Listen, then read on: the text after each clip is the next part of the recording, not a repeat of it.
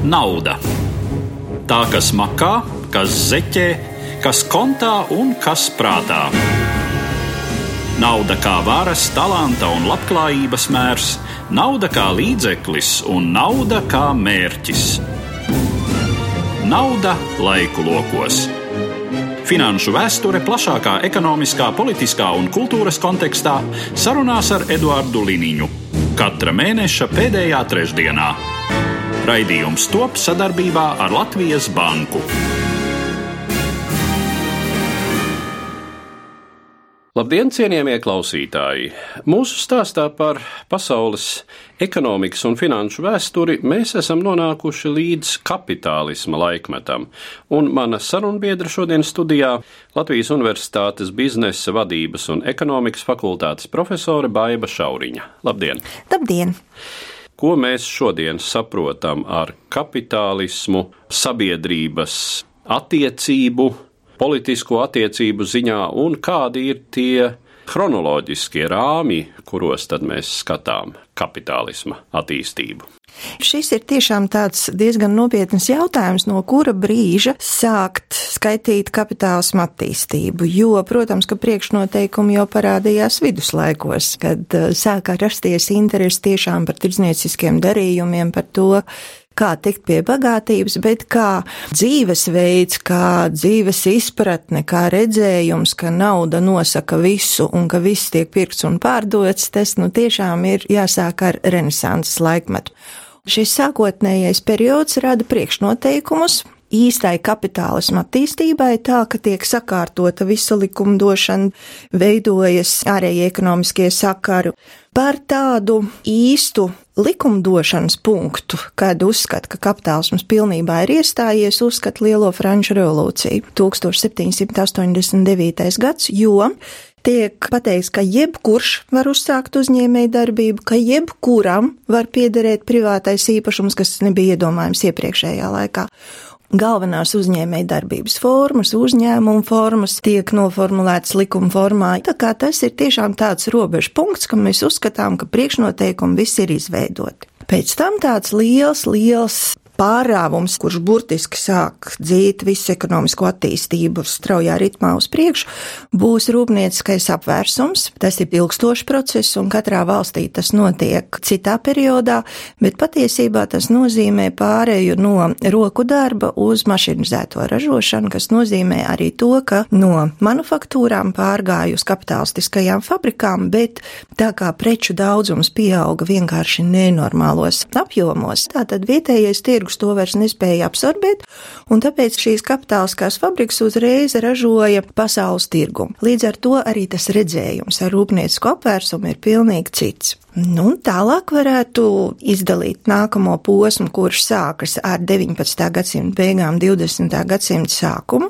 kad kapitālisms jau transformējas, un mēs vairs nevaram stingri nodalīt, ka šeit mums ir rūpnieciskais kapitāls, tas ir lauksaimnieciskais kapitāls, tas ir banku kapitāls, kad sāk savīties šie kapitāli, kad sāksies milzīgu akciju sabiedrību veidošana arī tieši tāpēc, lai tiktu pie lielāka kapitāla, lai varētu plašākus darījumus īstenot un, protams, neapšaubām tikt pie lielākas peļņas. Kad sākas kapitāla eksports tīrā veidā, arī šajā peļņas nolūkā, un tas jau iezīmē tālāko visu attīstību, kas jau notiek 20. gadsimtā. Bet 20. gadsimtā pēc otrā pasaules kāriņa varētu iezīmēt kā lūzuma posmu 70. gadus, kad mums parādās pilnīgi jaunas tehnoloģijas un um, mainās arī pasaules uztvere, sāksies internacionalizācijas laikmets, globalizācijas laikmets ar milzīgu starptautisko ekonomisko organizāciju nozīmi un lomu, kā nevairs Nacionālā valsts ir galvenā spēlētāja pasaules arēnā, bet jau šīs starptautiskās organizācijas un tādas supranacionālās struktūras.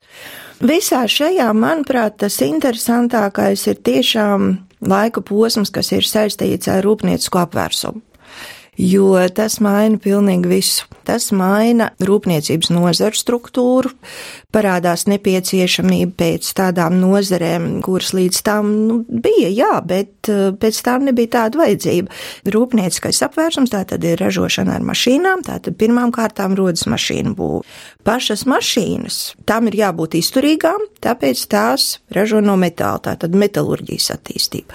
Savukārt, tā kā tas bija tvaika dzinējs, tad mums ir nepieciešams darbināt šo dzinēju, tā bija ogļu ieguve. Un plus paralēli nāca ķīmiskā rūpniecība, un te es varu minēt tādus piemērus, kas ļauj saprast šī apvērsuma būtību. Piemēram, ķīmiskajā rūpniecībā, kad tika izgudrota soda, tas bija apvērsums pats par sevi, jo līdz tam audums balināja saulē. Nu, un tad var iedomāties to laiku patēriņu, kas bija uz viena auduma gabalu, lai to izbalinātu saulē un dabūtu baltu un ķīmisku reakciju mainās arī darba spēka struktūra, jo izzūd vesela virkni profesiju un to vietā rodas pieprasījums pēc pilnīgi citām. Un e, galvenokārt tie ir ļaudis, kuriem ir nepieciešams tehniskas zināšanas, jo tās ir mašīnas, kas ir jāapkalpo, un ja tās ir sabojājušās, tās ir jāprot salabot un tā tālāk. Tātad tehniķi, inženiertehniskie darbinieki, pēc kuriem vienkārši milzīgs pieprasījums rodas. Sākot ar rūpniecisko apvērsumu, nepārtraukti visa tehnoloģija attīstība ir gājusi tādējādi, lai izspiestu cilvēku darbu, un mašīnas pārņem visu ražošanu. Tanī brīdī arī sāk veidoties tehnoloģiskais bezdarbs, kurš mūsdienās ir tikai attīstījies un progresē, un, un šodien mēs runājam par mākslīgo intelektu, kas aizstāja cilvēka darbu jau ļoti daudz kur. Tā kā arī šādas izmaiņas, kas izsauc, protams, milzīgu neapmierinātību, sociālo neapmierinātību, protestus, mašīnu laušanu, streikus un tā tālāk. Tā kā Lielbritānija bija valsts, kurā rūpnieciskais apvērsums notika pilnā mērā un Lielbritānija kļuva par mašīnu būvs dzimteni, Lielbritānija kļūst par pasaules lielvalstu numuru viens tieši šo procesu rezultātā. Tātad mainās arī spēku samērs politiskajā kartē, jo līdz tam bija diezgan liela strīda par prioritāti pasaules jūrā, bet Lielbritānija uzvar nedalāmi. Un Lielbritānija ir arī tā vieta, kur atbilstoši teorija attīstījās. Tātad klasiskā angļu politekonomija gluži loģiski radās tur. Bet ir interesanti redzēt to, kā Šis rūpnieciskais apvērsums radās nozarē, kura bija eksistējusi, nu, manuprāt, tiešām no cilvēces pirmsākumiem. Tā ir tekstila nozare, jo apģērbs cilvēkam ir vienmēr bijis vajadzīgs, un tieši tanī, lai radītu pēc iespējas vairāk audumu, lai radītu tātad šo audumu ar pēc iespējas mazāk cilvēku darbības operācijām, visi procesi arī ir notikuši. Droši vien, ka būtiskākais jautājums, kas var rasties, kāpēc tieši Lielbritānija? Ja mēs paskatāmies uz viduslaikiem, uz attīstītajiem viduslaikiem, Lielbritānija tajā brīdī ir Eiropas kontekstā salīdzinoši mazapdzīvota. Jā, protams, aktīva Eiropas politikā. Mēs zinām, Angļi karo ar Frančiem simt gadu karā bet eh, neskatoties uz to, ka Angļi ir braši karotāji, Francija pakļaut viņu nespēja vienkārši tāpēc, ka Francija mm. ir iedzīvotāju skaita, ekonomiskās, saimnieciskās kapacitātes ziņā vairākas reizes lielāka. Jaunie laiki ir tas brīdis, kad uh, Anglija, kas vēlāk kļūst par kodolu Lielbritānijai, veids šo lēcienu, izraujoties ekonomiskās, nu un pēc tam arī militārās un politiskās attīstības priekšgalā. Tam, protams, ir savi priekšnoteikumi, un te atkal atbild mums ir meklējama, protams, vēlīnos viduslaikos, kad Eiropā rodas milzu interesi par eksotiskajām precēm, kuras nāca no austrumzemēm. Patiesībā šie kapitālismu pirmsākumi veidojās tajās zemēs, kurām bija pieeja šiem tirdzniecības ceļiem. Tā bija vidusjūra, caur kuru varēja nokļūt uz Arābu valstīm, tālāk uz Indiju, Un tāpēc arī sanāca tā, ka tās pirmās mums ir neapšaubām Itālija, Francijas dienvidi, bet tieši dienvidi, un Spānija, Portugāla, kas apjož kā savu zemi ar šo vidusjūru, kurām tad arī bija pieeja tirdzniecības ceļiem. No Anglija atrodas ļoti tālu no šiem tirdzniecības ceļiem, tāpēc arī loģiski, ka Anglija nav spēlētāja šajā brīdī. Vēlāk Tad, kad attīstījās merkantīlismu laikmets, mēs varam arī redzēt to, ka lēnām viss virzās uz ziemeļiem. Itālijas loma, kas bija, teiksim, tiešām banku veidošanā, lombardu veidošanā, visa terminoloģija, kas nāk no Itālijas tieši no šī laika, paliek otrā plānā, jo tagad ir pavisam citu uzdevumi lēnām no šīs sākotnējās ļoti ātrās naudas iegūst vienkārši finanšu operācijās un uh, tiešām naudas gūšanā fiziskā, pāriet uz infrastruktūras izveidi un lēnām pāriet tātad arī no šīs vienkāršās ārējās tirdzniecības uz iekšējo tirdzniecību. Mēs bīdamies uz ziemeļiem. Un jo vairāk mums spēlētāju, starp tiem saglabājas Francija, jo ir gan teritorija pie vidusjūras, gan pie ziemeļjūras, loģiski, un tās tuvākie kaimiņi, tas ir Holanda un Anglija. Ziemeļjūra kļūst par to centru, kas būs šīs aktīvās tirdzniecības dzīves centrs un veidos nākamo posmu pie kam mēs varam redzēt jau valsts banku veidošanos. Pirmā tāda īstā valsts banka tika izveidota Nīderlandē, tālāk francūži Lo banku, kurš bija britu izcelsmes, tad bija radījis gan vekseļus, gan pirmo papīra naudu, bet šī bija privātā banka, banka no bankrotēja, valsts to pārņēma savās rokās, bet Lielbritānija tā tad izveido savu banku nedaudz vēlāk, bet tā jau tiek veidota bez šādām peripētijām, jau uz stabiliem pamatiem. Un merkantīlismu laikmeta ziedu laikos izveidojas lūk šī brīnišķīgā sistēma, kad mums ir metropoli un tā ir aizjūras teritorijas kā vienots saimniecisks veselums. Tā kā Lielbritānija kā teritorija atrodas uz salām, tā nav pašpietiekama ekonomika. Tas nav iespējams. Tāpēc Briti vienmēr ir centušies iekļūt citās teritorijās, kaut vai jūs minētajā Francijas teritorijā, pretendējot uz Bretaņu apkārtējās salas un tā tālāk. Tāpēc Lielbritānija ir vairāk ieinteresēta šajās aizjūras teritorijās, un viņu saimniecība izveidojas ļoti strikti tādējādi, ka kolonijās tiek iegūtas vai ražotas izēvielas, tiek piegādātas uz metropoli, un metropola ir tā vieta, kur ražo. Un uz vietas ļoti mērtiecīgi arī tiek izbūvēti kanāli, lai varētu nogādāt gan šīs izēvielas ražošanas vietās, gan preces līdz ostām. Tātad, respektīvi, ļoti stingri izvēlēties izveidot saimnieciskā sistēma, kur kā nākamais lūk šis izšķirošais posms nāca mašīnu būvs attīstība, kas ļāva arī Lielbritānijai patiesībā aizrauties, jo citādi tiešām bija pilnīgi vienādas pozīcijas, vai tā bija Anglija, vai tā bija Francija, vai tā bija Nīderlanda pasaules jūrā, jo katrai no tām bija savas aizjūras teritorijas, es šeit nepieminēju ne Portugālu, ne Spāniju. Pirmās jo, divas lielās koloniālās jā, valstis. Jā, pāvests eh, Inokentijs sadalīja pasauli pa meridiānu uz pusēm, pusi portugāļiem, pusi spāņiem, un tad, nu, būdami pasaules valdniekiem, mums pieder puse pasaules, nu, mēs taču neiesim paši nodarboties ar sīkām saimnieciskām lietām pasaules godība ātri pāriet un praktiski šajā lepnībā izmantojot citu valstu darba spēku, citu valstu kuģus. Vienā brīdī izrādās, ka teritorijās jau patiesībā saimnieko citi. Un tāpēc Spānija un Portugāla ļoti ātri nogāja no šīs skatuves, un, un šie galvenie spēlētāji bija mans minētie Francija, Nīderlanda un Anglija, bet Anglija uzvarēja. Runājot par Angliju, sava daļa iemesla ir arī tai sociālajai struktūrai, kāda bija Anglijā, proti tādām īpatnējām attiecībām starp zemes kungiem un zemniecību. Lielbritānija šodien mums ir tas īpatnējs paraugs, kur šīs kapitālisma attiecības lauksaimniecībā izpaudās ar ļoti skaistu, striktu struktūru. Mums ir zemes īpašnieks, jeb landlords, Mums ir zemes rentnieks un ir algotie laukstrādnieki. Šī struktūra ļauj saglabāties arī šodien šiem zemes īpašniekiem, kas dzīvo tikai un vienīgi no rentas maksas, kas ir mūsdienu pasaulē tāds īpatnējs gadījums. Tātad šāda sociālā struktūra rada viegli pieejamu darba spēka resursu. Salīdzinoši daudz zemnieku, kas nav piesaistīti savai zemē. Jā, tāpēc, ka bija mērķiecīgi procesi šeit arī veidoti, tā bija tā saucamā zemnieku nodzīšana no zemes, jo gan pašā Anglijā, Skotijā tieši tāpat, bet jo īpaši īrijā. Un te ir ļoti interesants tāds brīnišķīgs autors, Sers Viljams Petīs, kurš ieteica gan pirmo tautas skaitīšanu, gan mēģināja tiešām visu saimniecību izteikt formulās, un viņam ir brīnišķīgas idejas.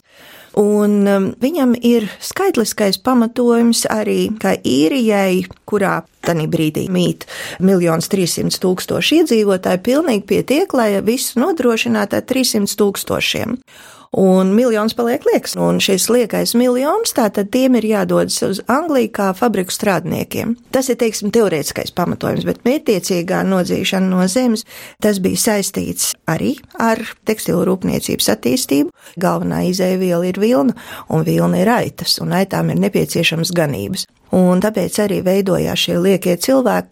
Un, protams, Anglija īpaši izceļas ar ārkārtīgi nežēlīgu un smagu bērnu darbu. Un šeit kapitālisms parāda, diemžēl, savu neglīto pusi, bet ļoti racionālu, ļoti racionālu, jo ekonomika vispār ir ļoti loģiska, racionāla. Un bērnu darbspēks tiek izmantots galvenokārt raktuvēs, jo, nu, ja mēs tā iedomājamies bērna izmēri, tunelis ir nepieciešams daudz mazāks nekā pieaugušam cilvēkam, un tāpēc bērni bija tie, kas devās šajās raktuvēs, kas stūma vagonetes. Un jāsaka tā, ka sniegbaltīti un septiņu rūtīši, šie rūtīši nav izdomājums, tie ir patiesībā bērni, kur strādāja arī raktuvē, arī šajā pasakā, un, diemžēl, viņi ļoti ātri novecoja jau īsti patiesībā nepieauga, bet ķermenis tīri fizioloģiski arī mainījās. Parasti arī šiem cilvēkiem bija ļoti smagas redzes problēmas, tu nerunājot pa visiem nogruvumiem un citām dzīves briesmām, teiksim, var uzdurties kādai gāzes dzīslē vai kaut kas tam līdzīgs. Bet otra joma ir tā pati tekstilu rūpniecība, kur ļoti mazus bērnus izmantoja tieši, lai tie uzraudzītu mašīnu darbu. Un, lai viņi miegā nekristu no ķēbļiem nost, viņas liku uz tādiem ļoti, ļoti augstiem ķēbļiem, bet eh, darba stundas jau bija milzīgas. Ja mēs sasaistām to ar kaut vai fabrikas meitenes dziesmu, tad šeit ir skaidri un gaiši teikts, ka tas ir 20. gadsimta sākumā, tur lēna mana dzīve drūp, un tur man vēl kas stundas 16. Tāda pat tieši tā, ja 16 stundas, tanī laikā bija pat vēl vairāk. Darba spēku izmantoja maksimāli, lai tiktu pie lielākas bagātības, lai spētu saražot vairāk. Tāpēc arī bija tā, ka pāris stundas pagulēja turpat kaut kur un atkal devās strādāt, pie kam tas bija ļoti smagos sanitāros apstākļos. Un tāpēc arī mūža ilgums 19. gadsimta vidū, dzīves ilgums Manchesterā strādniekam, vidējais dzīves ilgums ir 17 gadi. Savukārt lauksaimniecībā tieši šī pašā laikā 33 gadi. Un kad mediķi jau bija ļoti sākuši iebilst pret šo tiešām šausminošo ainu, tad um, 80. gados, arī 19. gadsimtā, tad jau strādnieki pilsētā bija tikuši līdz 30 gadu vecumam, un laukos savukārt līdz 52. Bērnu darba ierobežošana sākās tikai 1833. gadā, un tas bija tā saucamais Factory Act, kurš aizliedza izmantot bērnus jaunākus par deviņiem gadiem. Tanī laikā Roberts Owens, kurš bija uzņēmējs vēl kā pusaudzis, kopā ar draugiem nodibināja uzņēmumu. Kā rezultātā 19 gadu vecumā viņš bija liels tekstilu fabrikas pārvaldnieks un pēc tam līdzīpašnieks Lankašīras grafistē. Viņš piedāvāja pasaulē utopijas projektu, kur viņš arī sāka realizēt, un visi brauc to skatīties kā pilnīgi nenormālību, jo kur tas redzēts, ka strādnieki viņa fabrikā strādā tikai 10 stundas, ka tur ir skola un ka tur ir speciāls veikals, kur šīs tekstilu fabrikas produkciju pārdod uzņēmumā strādājošajiem gandrīz par pašizmaksu. Kaut kas pilnīgi nenormāls. Nauda laiku logos. Sarunas ar Eduardu Liniņu par finanšu vēsturi plašākā ekonomiskā, politiskā un kultūras kontekstā. Raidījums top sadarbībā ar Latvijas Banku. No kā arī kļūst skaidrs, kur ir saknes un uh, loģiskais pamats tai ļoti ietekmīgajai strādnieku emancipācijas kustībai un visai ar to saistītai ideoloģijai, kas sāk ietekmēt ļoti nozīmīgi Eiropas politiku 19. gadsimta pēdējās desmitgadēs un 20. gadsimtā izvēršas savukārt dažādos procesos, kas ir jau pavisam cits stāsts. Bet uh, runājot par ekonomisko domu, kas, kā jūs teicāt, rodas šajā laikā, un pirmām kārtām atkal jau Anglijā, Lielbritānijā, veidojas pamati tam, kas joprojām ir politekonomija. Jā. Pilnīgi noteikti, jo visas kategorijas, kuras mēs šodien lietojam, kas ir darba alga, kādi ir tās veidi, kas ir kapitāls, kādi ir tā veidi, kas ir nauda, kādas ir naudas funkcijas, naudas īpašības un tā tālāk un tā tālāk. Visas šīs kategorijas praktiski izveido klasiskā politekonomija, un tas ir jebkurā zinātnē ir savu klasiskā skola, kura tad arī izveido šo kategoriālo aparātu, kuru mēs pēc tam visi izmantojam. Tāpēc nekā nekādā gadījumā nevar teikt, ka klasiskā politekonomija ir novecojusi vai kaut kas tam līdzīgs. Ne, viņi ir savu uzdevumu izpildījuši. Mēs šīs kategorijas lietojam, un viņu uzdevums bija arī saskatīt pirmās likuma sakarības, noformulēt pirmos likumus, kas arī tiek izdarīts. Tāpēc viss tālākais jau ir tikai tādas saudabīgas spekulācijas, ko varētu vēl, kādu aspektu varētu paskatīties, ko ar kaut ko var sakrustot, varbūt kaut kādu jaunu rakursu varēsim ieraudzīt. Un pirmais šāds krustojums bija 19. gadsimta beigas, 20. gadsimta sākums ar vēsturi no vienas puses, jo šie sociālie procesi, kurus jūs minējāt, kļūst ļoti, ļoti aktuāli. No otras puses, pilnīgi otra galējība, krustot ekonomiku ar matemātiku un aiziet prom no sociālajām realitātēm, aizmirst to, ka ir šīs problēmas un parādīt ekonomiku tikai kā sausi matemātisku formulās ieliekam zinātni.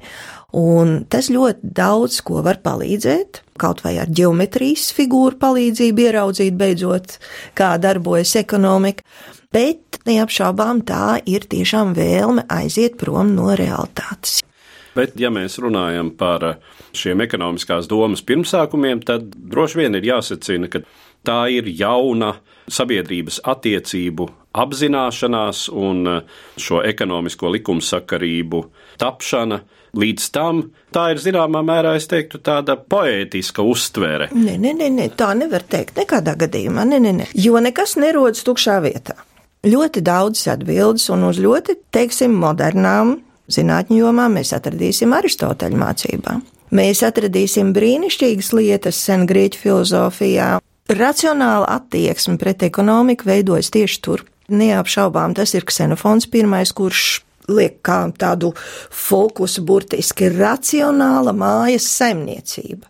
Tālāk mēs varam ieraudzīt vēlīnajos viduslaikos brīnišķīgu mācību, Akvīns Toms, kurš ir baznīcas spēcīgākais filozofs, nebūdams ekonomists, viņš iedod perfektu ekonomisku analīzi, kas ir cena. Un tieši tāpat arī analīze sabiedrības ekonomiskajai struktūrai.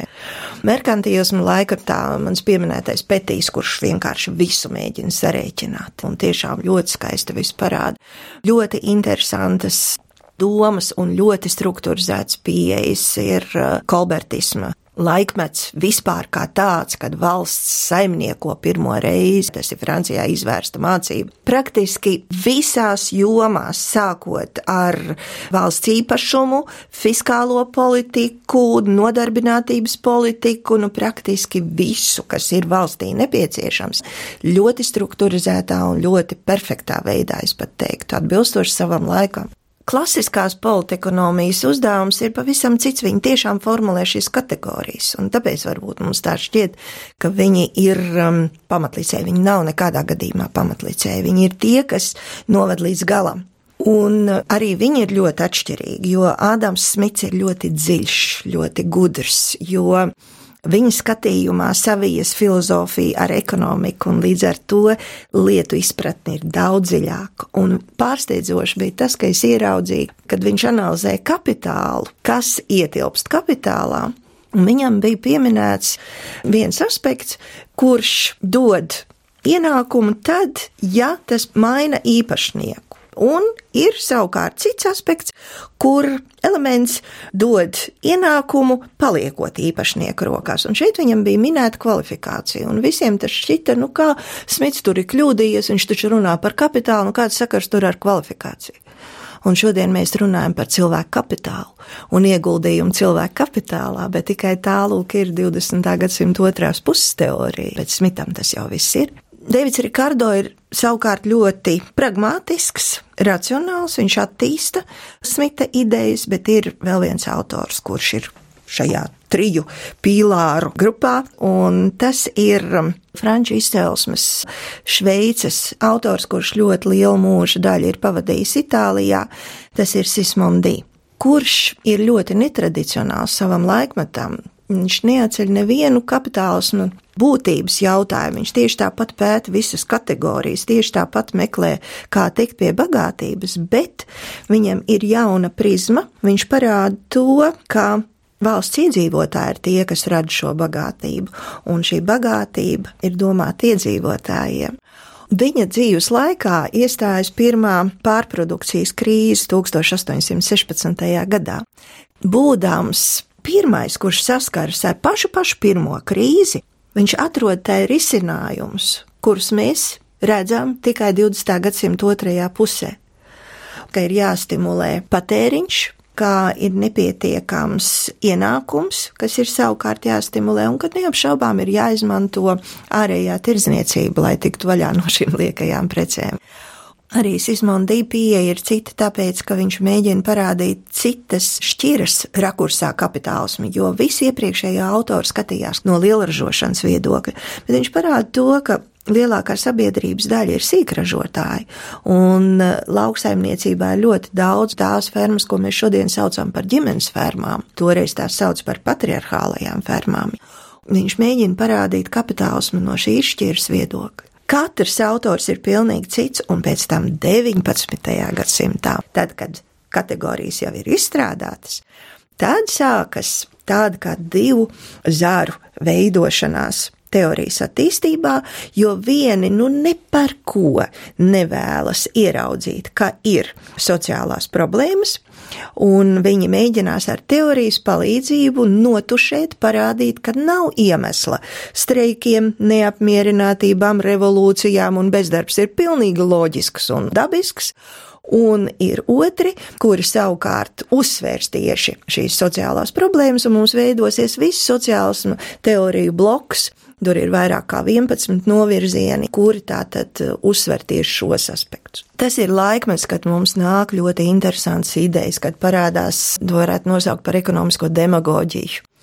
Vainagojums visam neapšaubāmi ir Tomas Roberts Maltus ar savu grāmatu, kas viņa dzīves laikā vien iznāca sešas reizes, un šīs grāmatas nosaukums ir apdzīvotības likums. Brīnišķīga grāmata. Man ir iznācis būt ļoti senās grāmatu krātuvēs, kur man ir dotas rokā brīnišķīgas grāmatas, un es tās esmu tiešām turējusi, bet es nekad negaidīju, ka man būs tāda ķermeniska reakcija, kad es turēšu rokā šo maltus apdzīvotības likumu. Jo šī grāmata parāda to, ka Daba laiž pasaulē gan augus, gan dzīvniekus ievērojami lielākā skaitā nekā tiem pietiek dzīves telpas. Un pēc tam gluži vienkārši šo skaitu noregulē un šo pašu likumu viņš izmantojot statistikas datus attiecina uz cilvēku sabiedrību, jo arī tanī darbojas šis dabas likums, un ar skaitļu palīdzību viņš pierāda, ka iztikas līdzekļi pieaug aritmētiskā progresijā, un savukārt iedzīvotāju skaits pieaug geometriskā progresijā.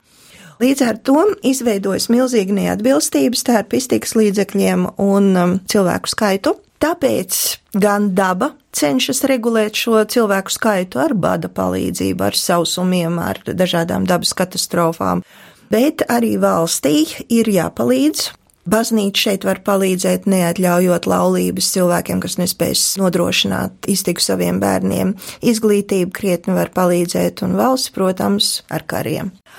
Pirmajā izdevumā bija tāda frāze, kura pēc tam ir pazudusi. Vienkārši protestu bija pārāk daudz, bet doma jau nav pazudusi.